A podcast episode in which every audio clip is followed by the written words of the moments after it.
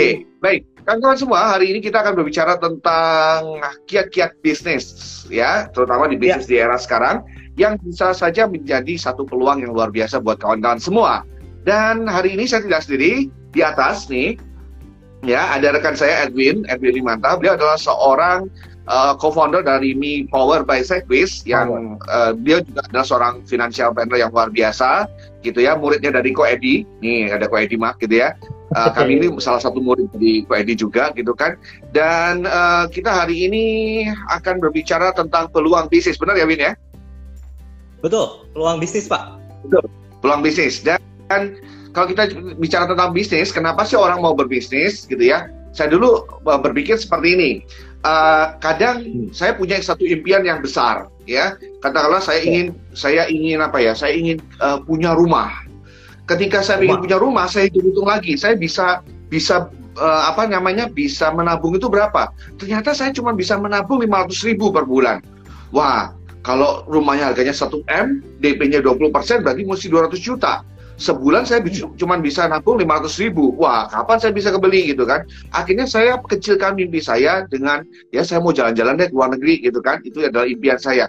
Tapi hitung-hitung hitung lagi ternyata untuk menyiapkan uang untuk tur ke luar negeri itu juga sangat ya akhirnya saya perkecil lagi impian saya gitu ya. Uh, saya mau beli apa? Saya mau uh, beli mobil aja. Itu pun mobil yang second hitung punya hitung uh, hitung punya hitung juga akhirnya duitnya juga nggak cukup juga karena kemampuan nabung yang tidak begitu bagus akhirnya saya perkecil lagi mimpian saya gitu ya yaitu ya udahlah belajar kursus dulu deh gitu ya kursus dulu uh, dengan harapan kalau saya kursus saya punya keahlian dan akhirnya saya bisa punya pekerjaan yang baik uh, bisa menabung lebih banyak, gaji lebih tinggi gitu kan, seperti itu. Nah, kawan-kawan, ada seorang yang kemudian menyadarkan kepada saya, ya, kenapa hmm. kamu berpikir seperti itu? Kenapa kamu tidak berpikir terbalik? Kamu tetap besarkan hmm. impianmu, ya, besarkan impianmu, tetapi perbesar juga penghasilanmu. Jadi apa yang kamu impikan, impian besar itu, itu kamu bisa wujudkan dengan penghasilan yang besar, gitu ya. Dan kemudian saya mengatakan gila benar juga orang ini gitu kan. Akhirnya kemudian saya mulai cari-cari peluang bisnis ya peluang ya. bisnis apa yang bisa saya lakukan? Omong-omong kalau saya mau naikin uh, saya mau naik gaji tentunya saya harus naik jabatan. Nah naik jabatan atasan ya. saya masih ada. Repot nggak bisa naik, naik jabatan. Atau saya kerja habis pulang kantor kemudian saya ngojek. Kemudian saya uh, driver online. Ya lama-lama capek juga ternyata gitu ya. Nah, kemudian saya berpikir, kalau kerja kongsian gimana? Kongsian enak di depan, tetapi kalau ribut pecah kongsi. Banyak kan yang seperti itu. Akhirnya saya berpikir, yeah. gimana ya? Oke, saya berpikir untuk berwirausaha, gitu ya. Nah, berwirausaha ini macam-macam sekali, gitu ya. Hari ini kita akan uh, membahas bersama Edwin, salah satu financial planner dari Mi Power by Checklist, yang akan ber-sharingan kepada kita semua mengapa peluang besar uh, peluang bisnis asuransi uh, peluang bisnis asuransi ini bisa menjadi sebuah bisnis yang bagus di segala situasi. Ya, kita ya. mengenal situasi bagus maupun tidak bagus. Ex, uh, apa uh, asuransi ini tetap eksis gitu ya. Gimana Kak Edwin? Benar nggak? Oke Pak Yan, hari siang ini kita kan bahas tentang peluang bisnis Pak Yan. Benar banget tadi Pak Yan. Kalau yang punya mimpi itu bukan mimpinya yang dikecilin, tapi usahanya itu yang diperbesar. Nah, Salah Benar. satu hari ini aku mau ngasih peluang bisnis yang bisa mencapai mimpi itu. Contohnya peluang bisnis di asuransi. Kenapa? Ya. Bisnis ini itu sangat-sangat simpel dan efisien aku bilang. Oke. Okay?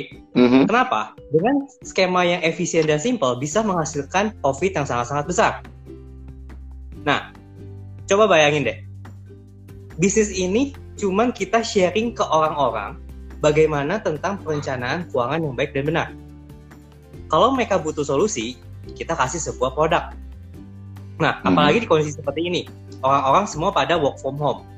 Dengan adanya wabah corona atau COVID-19, mereka akan aware, oh ternyata kesehatan itu penting banget, benar nggak Pak ya? Kesehatan ya, benar penting. Sekali. Nah, makanya gimana benar. caranya kita bisa antisipasi keadaan-keadaan seperti ini? Bukan hari ini aja, tapi di masa yang akan datang. Nah, kita bisa aware ke mereka, eh gimana kondisi lu sekarang? Bisa lewat sosial media, bisa lewat video call kayak gini, bisa phone call. Gimana keadaan lu hari ini? Terus tentang kondisi kayak gini, udah siapin perencanaannya belum? Kalau misalnya kondisi seperti ini terus, gimana tentang uh, kondisi finansialis kesehatan terhadap jiwa ataupun kesehatan?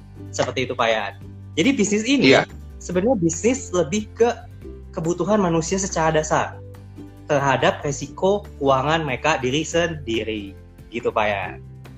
Ya, jadi uh, sebenarnya uh, bisnis asuransi jiwa ini sebenarnya adalah sebuah kebutuhan gitu ya, karena tidak hanya kebutuhan, secara uh, lahiriah, yaitu makanan, minuman gitu ya, tempat tinggal dan pakaian, tapi sebenarnya kalau kita pikirkan uh, asuransi ini adalah salah satu cara kita untuk memanajemeni risiko keuangan itu di, sendiri gitu ya. Betul. Nah, sekarang kalau saya ngomong tentang, mm -mm, kita ngomong peluang kita ngomong peluangnya nih sekarang.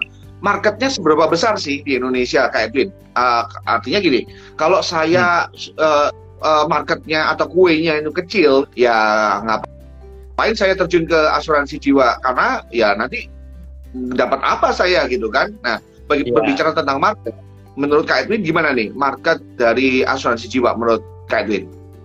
Boleh. Bicara market, kita mau bisnis asuransi di Indonesia, oke? Okay? Indonesia adalah negara populasi keempat terbesar di dunia. Bayangin loh, populasi terbesar keempat ke dunia. Tapi orang yang baru produk tahu asuransi itu baru 6,6 persen. Artinya apa? Marketnya itu sangat-sangat besar. Mereka tuh kalau kita ngelihat fokus pada solusi atau problem.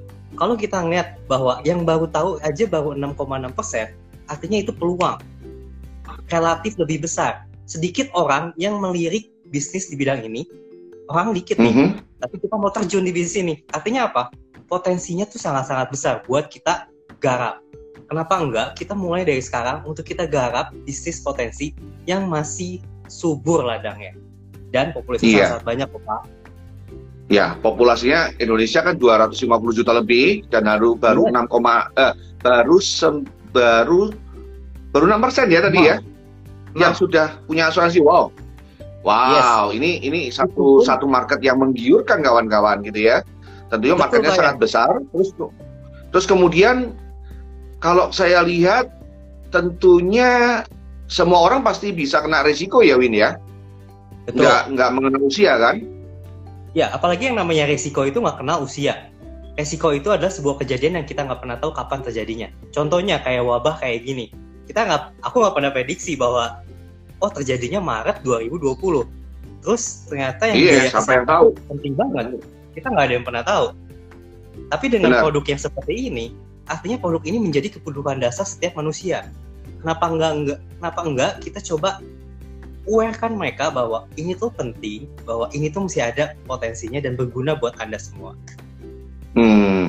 Uh, lalu kalau kita bicara tentang asuransi, kan banyak nih orang yang masih julid nih, gitu ya tentang hmm. tentang produk asuransi, uh, tentang profesi asuransi gitu kan. Uh, ini banyak orang masih julid dan ini menjadi satu tantangan ketika kita mau masuk ke pasar yang masih fresh ini gitu ya.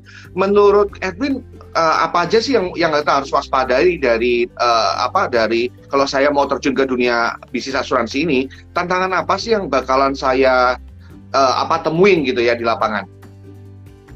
Oke, pastinya tantangan pertama adalah kita butuh yang namanya ilmu lah Pak ya. Kita harus tahu dulu gimana caranya tentang jadi yang namanya financial risk officer yang baik dan yang benar. Tapi nggak usah takut, setiap orang yang join di bisnis asuransi itu beda sama kita ngelakuin bisnis di bidang lain. Contohnya, hmm. kalau aku mau bisnis uh, warung makanan, jarang banget aku nemuin bisa nanya-nanya ke orang-orang motor gimana sih caranya bangun bisnis uh, makanan yang sukses biasanya mereka nggak mau. Mereka dianggapnya sebagai pesaing. Tapi hmm. kalau di bisnis ini kita ada yang namanya pelatihan pelatihan dasar dan itu kita berikan. Jadi kita hmm. punya support system yang mendukung teman-teman biar sukses di bisnis asuransi. Kita ada trainingnya hmm. kita ada mentoringnya ada coachingnya. Dan itu kita berikan secara cuma-cuma. Kenapa? Karena semakin banyak orang yang sukses di bisnis ini semakin banyak kebaikan yang kita bisa berikan dan mereka bisa aware terhadap produk asuransi. Itu yang pertama tahu dulu tentang uh, ilmu-ilmu dasar tentang keuangan. Oke, Pak Yan? Ya. Kedua, kita harus punya yang namanya market. Nah, yang namanya market itu pasti kita punya sendiri. Kadang kita bingung, bisnis ini tuh aku harus ngelakuinnya seperti apa sih? Contohnya ya Pak Yan ya, bisnis ini simple deh. Kan banyak orang yang ngomong uh, you are own boss, benar gak? Iya, benar. Tapi jangan uh, terbalik sama kalimat ini. You are own boss itu artinya kalau kita sebagai entrepreneur, segala effort kita, segala pikiran kita, segala uh, inovasi kita, kita curahkan ke bisnis ini. Karena kita merasa bisnis ini milik kita sendiri. Tapi jangan lupa juga dari sisi employee-nya. Artinya apa? 9 to 5. Kita harus benar-benar secara konsisten ngelakuin bisnis ini. Bukan hmm. artinya kita jadi bos enak mungkin, tapi kita punya entrepreneur mindset sama aktivitas yang konsisten dan rutin. Jadi kuncinya bisnis ini adalah konsistensi dengan peluang yang ada dengan modal resiko yang sangat-sangat rendah. Kenapa? Karena untuk join di bisnis asuransi itu nggak perlu modal yang terlalu banyak, Pak ya. Kita nggak perlu produk. Kita nggak perlu nyimpen produk loh, Pak ya. Produknya nggak akan pernah hmm. habis. Produknya nggak akan benar, benar, benar. Dan setiap uh, ada eh, permintaan, selalu, kita pasti akan support. Dan gitu, Pak, selalu ready gitu ya. Produknya selalu ready, gitu kan? Produk selalu ready. Oke. Okay. Uh, so berarti yang saya catat tadi pertama adalah uh, uh, untuk menjawab tantangan uh, terhadap pasar yang mungkin masih meragukan asuransi karena mereka tidak paham gitu kan, ya. maka kita juga harus mem, uh, kita juga harus bisa menjadi seorang financial planner yang berpengetahuan baik sehingga kita bisa sharing kepada kawan-kawan semua uh, tentang apa pentingnya memiliki asuransi jiwa dalam pertama ya Win ya dan yang kedua hmm. adalah tentunya market, gitu ya. Marketnya adalah uh, kita harus punya market. Nah, uh, market di sini itu yang gimana Kak Edwin? Kalau kalau saya katakanlah ini, saya saya bukan orang Jakarta gitu kan. Saya hmm. orang Surabaya dan saya uh, sekarang saya di Jakarta karena saya uh, mungkin harus bertugas di Jakarta. Uh, ya. Pergaulan saya, saya tidak, saya apa namanya, saya tidak punya ini yang harus menjadi pasar saya siapa gitu ya seperti itu. Okay. Atau mungkin kawan-kawan semua yang merasa bahwa, waduh, apakah saya punya pasar ya keluarga saya biasa-biasa aja gitu kan. Biasanya asuransi itu kan mahal kayak gitu. Nah berbicara tentang pasar ini kak ya, uh, untuk menjawab tantangan ini gitu ya. Uh, gimana kita bisa menggali pasar kita kak? Oke, okay. yang namanya market Mudah itu sebenarnya ada dua. Satu captive market sama non captive market. Sebenarnya tadi yang mm -hmm. Kalau market captive itu adalah market yang ada di sekeliling kita, keluarga, orang terdekat, lingkungan, ataupun contohnya uh, kerja kantoran, teman-teman kita. Nah, tapi kalau contohnya misalnya, kak, aku nggak ada di domisili aku, aku adanya di Jakarta nih sekarang. Aku aslinya Surabaya. Gimana aku bisa ngembangin market aku? Simple. Contohnya simple. Media sosial itu salah satu pengembangan market. Sekarang udah canggih lah, bisa iya. LinkedIn. Instagram, Facebook, itu secara internet. Kedua, kita yang namanya market kita bisa uh, kolaborasi dengan komunitas pak ya contohnya aku senang lari. Aku ikut komunitas lari. Hmm. aku senang bahasa Inggris. Aku ikut uh, uh, komunitas Toastmaster. Itu adalah ah, menjadi market yeah. market aku yang bisa aku sharing. Terus yeah. sharingnya kayak gimana? Simple pak ya jadi ketika aku ngelakuin uh, sharing produk asuransi itu kan yang setiap yang, yang namanya manusia pasti butuh makan. Setuju nggak pak ya benar benar. Nah, aku ajak aja makan siang. Itu dari makan siang ketemu orang makan malam ketemu orang hmm. lagi. Sembari aku perkenalan sama mereka aku sharing juga loh bahwa apa yang akan hmm. lagi aku kerjain tentang financial planning. Cuma sharing sebatas sharing ketika makan siang dan juga makan malam. Besoknya aku baru follow up. Jadi prosesnya simple sebenarnya. Marketnya bisa kita create. Bukan kita menunggu market itu ada dari kita seperti itu Pak ya. Oke, jadi harus edukasi dan kemudian kita menyapa orang-orang yang sekitar kita gitu ya dan menunjukkan siapa kita, bagaimana kita bisa membantu mereka gitu ya. Dan omong-omong ya. tentang modal tadi, Win, modalnya katanya ya. uh, apa? Modalnya besar nggak gitu ya? Karena kalau saya mau buka uh, apa uh, tahu goreng pedes gitu ya di Jakarta, oh. itu aja mesti paling nggak 8 juta gitu ya. Kalau saya mau jualan kebab mungkin bisa 10 juta uh, saya nggak pernah kepikir untuk beli franchise-nya McD atau KFC yang mungkin bisa ratusan juta bahkan miliaran gitu ya. Uh, ya. Sedangkan waralaba yang seperti Maret-Maret atau ya yang pokoknya berbau Maret-Maret itu ya, uh, itu itu mungkin juga harus ratusan juta gitu ya. Nah kalau menjadi seorang pebisnis, seorang financial planner di bidang asuransi, berapa sih biaya yang harus di apa namanya harus dikeluarkan gitu ya? Oke, okay, good. Jadi sebenarnya gini, teman-teman, potensi bisnis asuransi itu sebenarnya uh, investasinya itu nggak terlalu besar. Sebenarnya cuma butuh yang namanya sertifikasi aja. Karena setiap mm-hmm. yang mau bisnis di bisnis asuransi butuh yang namanya license. Jadi license-nya itu 150 ribu buat yang tradisional, dan yang full license dua dua dua ratus dua puluh lima ribu. Tapi teman-teman coba bayangin deh, sebuah aktivitas bisnis yang modalnya itu relatif sedikit, gak terlalu banyak, tapi dengan kita cuma lakukan sharing aja, kita dapat yang namanya profit. Sharing, kita dapat yang namanya basic commission biasanya. Terus ada juga bonus-bonus tambahannya baik production bonus ataupun konsistensi bonus. Dan juga ada bonus jalan-jalan kenapa bisnis ini nggak kita coba? Dengan keluar biaya kecil tapi bisa balik modal BFP yang sangat-sangat besar. Why not? Benar nggak pak? Hmm iya iya iya nah ada satu lagi satu pemikiran yang agak agak bisa saya katakan ini menarik gitu ya uh, hmm. gini Win itu uh, om saya bergerak di bidang asuransi jiwa tapi nggak ya. berhasil tuh Terus kemudian Mana? kakak uh, apa uh, sepupu saya yang lain gitu ya, uh, itu juga gabung di menjadi seorang agen asuransi. Tapi kemudian dia juga nggak nerusin usahanya gitu ya, asuransi dibiarkan aja gitu. Ya. Artinya dia nggak berkembang di sana gitu ya. So uh, gimana nih, Win? Menjawab ini, Win. Pertanyaan bagus saya bahwa katanya bisnis ini bisa dilakukan dengan simple, mudah, terus uh, semua orang bisa ngelakuin. Tapi kan ada juga kita kayak apa ya? Contohnya aku pakai analogi, misalnya kita sekolah nih, semua sekolahnya sama, gurunya sama, materinya sama. Tapi ada aja mahasiswa yang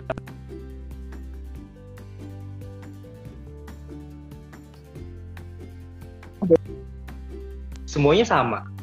Itu kembali lagi ke Sinyal. mahasiswa hmm. sendiri dong. Iya. Nah, Jadi, gimana caranya uh... kita tetap bisa tekun terhadap profesi ini? segala macam infrastruktur seperti learning, produk, knowledge, skill dasar, kita provide kok. Semua sama, orang mendapatkan hal yang sama. Yang membedakan adalah diri kita masing-masing bagaimana menyikapi hal tersebut. Ada orang yang mau sukses, ada orang yang mesti bimbang. Yang namanya bisnis, yang namanya entrepreneur itu pasti mereka punya semangat untuk lebih baik lagi, baik lagi setiap hari. Seperti itu.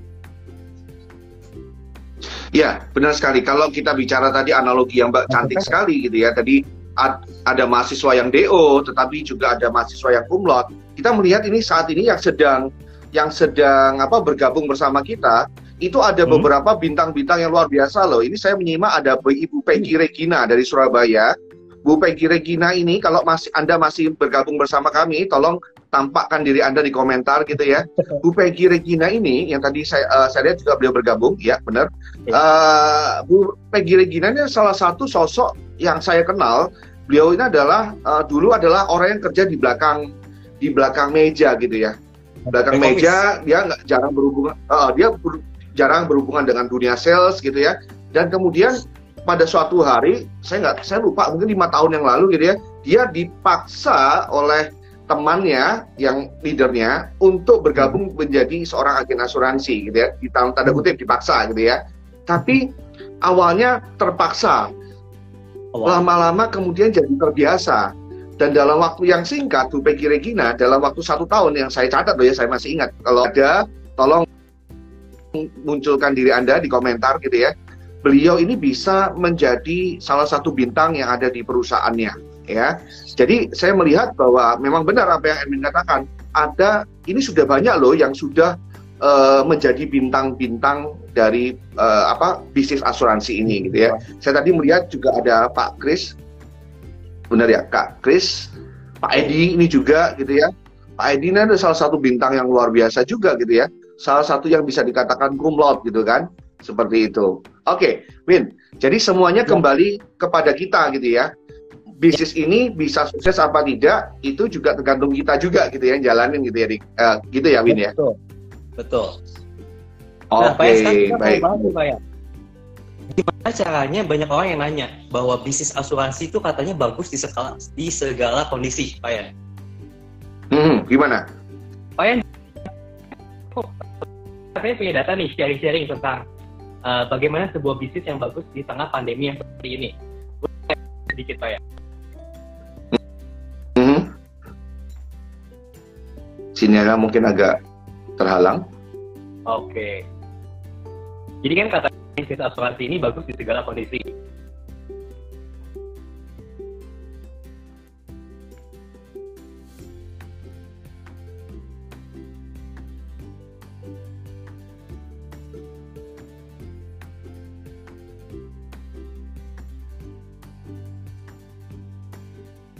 Sampaikan mereka, bahwa kesuksesan oke okay, baik dan terhubung mereka akan beli produk-produk asuransi karena mereka akan sadar terhadap pentingnya perencanaan keuangan. Public health spending akan semakin besar contohnya di bidang obat-obatan masker hand sanitizer sampai produk-produk insurance dan itu bukan kita yang ngomong loh itu adalah hasil dari riset uh, sebuah media sosial yang sangat-sangat besar. Namanya Facebook. Jadi mereka melihat bahwa habis pandemi situasi seperti ini, orang makin aware terhadap yang namanya produk-produk kesehatan. Nah, kenapa enggak? Kita coba nih ambil potensi bisnis ini sekarang juga seperti itu Pak ya. Oke, dan bisnis ini bisa bertahan lama, bertahan lama nggak, uh, Win? Kalau kita ngelihat kan sekarang bisnis masker ini kan jadi bisnis yang wow gitu kan. Kalau ngomong-ngomong jadi bisnis asuransi ini bisa tahan lama nggak? Sustain nggak kira-kira bisnisnya?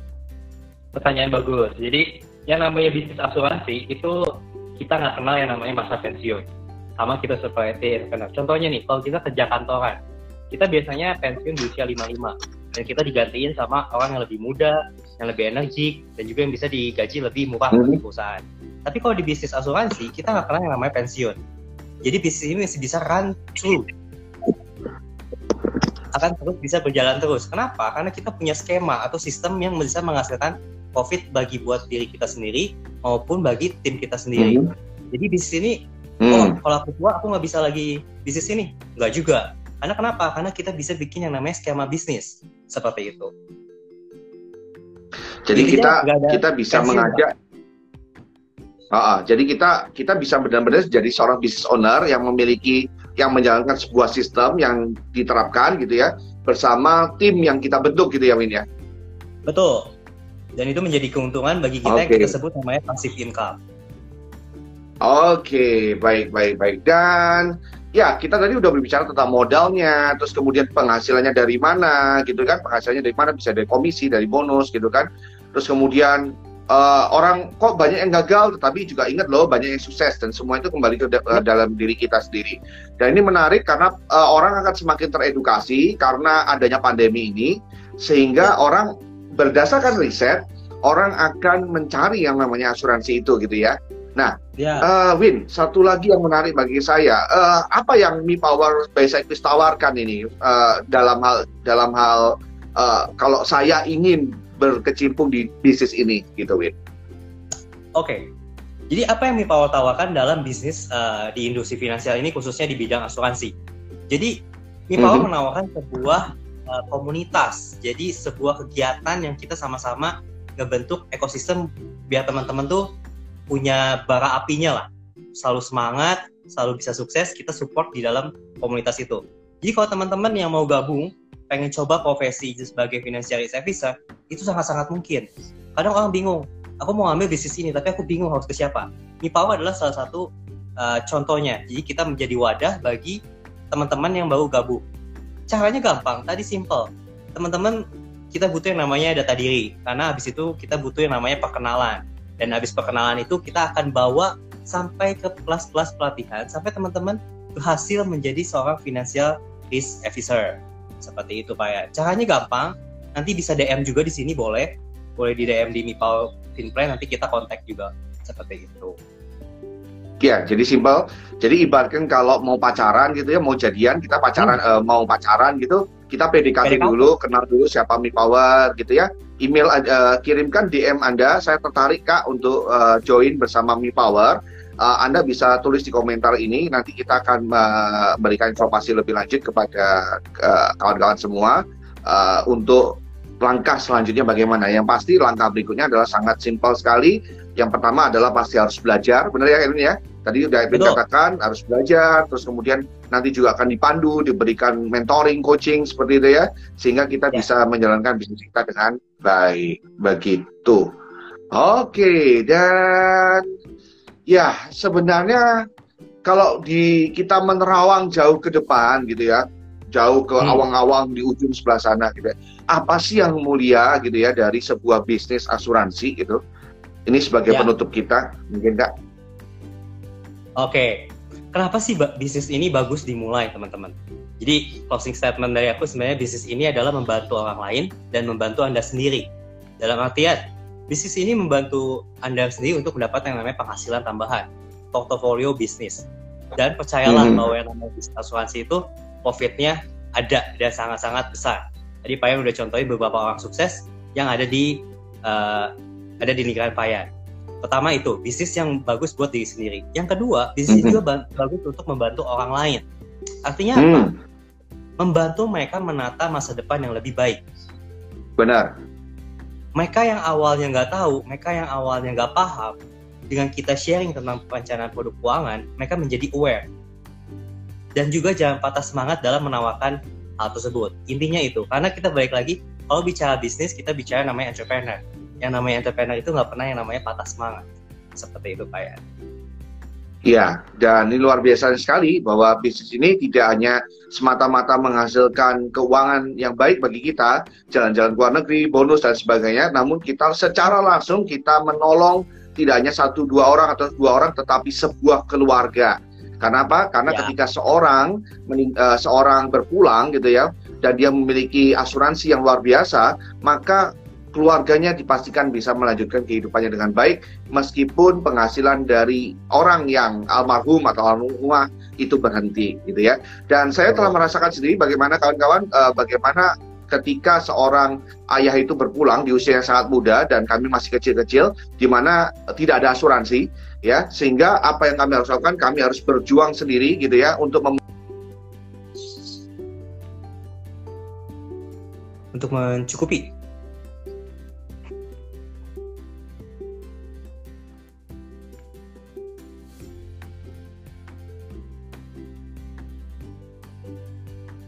seperti apa dan tentunya bisnisnya akan sangat menarik ya. Dan kalau kita lihat di sini baru saja bergabung gitu ya Kak Kak Chen, Kak Cican dari Samarinda. Ini beliau adalah salah satu yang berprestasi kawan-kawan gitu ya. Pak Kris, ya. ya Pak Christian. Halo Pak Christian dari Makassar. Itu beliau adalah salah satu yang berprestasi juga di bidang ini gitu ya. Kapan-kapan uh, rekan-rekan semua boleh sharing gitu ya. Dan ya, nah, ini ya, Kak Edi mengatakan potensi yang besar gitu ya bagi yang mau eksplor bisnis ini lebih lanjut. Gitu ya dan jangan lupa minggu depan saya uh, dan Pak Edi Mak dengan kakak Edi Mak ini gitu ya kalau anda bisa melihat di kolom komentar kakak Edi Mak ini adalah seorang mentor saya juga yang dia sangat paham sekali dunia asuransi dan kita akan berbicara tentang aku uh, uh, aku pandemi dan uh, unit link. ya, kita akan bahas uh, bersama Kak Edimak minggu depan gitu ya. Jadi jangan ke mana-mana. Jadi kawan-kawan, uh, ini adalah potensi yang luar biasa dari sebuah bisnis yang namanya bisnis asuransi. Bisnis asuransi saat ini orang semakin paham bahwa bisnis ini adalah sebuah bisnis yang real, yang sangat bermanfaat, yang sangat berguna, sehingga kita bisa menjadikan bisnis ini sebagai sebuah alternatif bisnis di saat di di situasi apa pun gitu ya. Situasi tidak hanya melulu bisnis retail, tidak hanya melulu bisnis makanan, tetapi bisnis asuransi. Ini adalah salah satu yang akan booming khususnya setelah pandemik ini selesai gitu ya. Dan uh, demikian uh, Kak Edwin ada tambahan lagi kira-kira? Uh, pokoknya buat teman-teman yang mau lagi bingung nih sekarang nih cari penghasilan tambahan lagi posisi kayak gini sarannya adalah coba aja bisnis asuransi. Kita nggak pernah tahu, siapa tahu ini yang menjadi jalan buat Anda bisa jadi seorang yang sukses mencapai goal dan mimpi yeah. teman-teman semua. Gitu Oke, okay, dan demikian dan demikian thank you Kak Edwin gitu ya buat waktunya dan demikian uh, berakhir pula lah sesi sharing IG live kita dari Mi Power Film Plan. Uh, terima kasih buat atensi kawan-kawan semua. Uh, sampai jumpa di kelas-kelas berikutnya. Hampir setiap hari kami ada bisa kelas apa? gitu ya. Jadi follow aja Mi Power Film Plan. Uh, kita bisa lihat schedule-nya di sana. besok saya pribadi akan men-sharingkan sesuatu yang lebih sifatnya psikis supaya kawan-kawan lebih memiliki pemahaman terhadap kondisi dirinya, kondisi psikisnya. Uh, demikian kawan-kawan, uh, saya Yan Ardianto dan rekan saya. Saya Adi. Oke, okay. see you dan sampai jumpa di event berikutnya. Bye-bye. Dadah.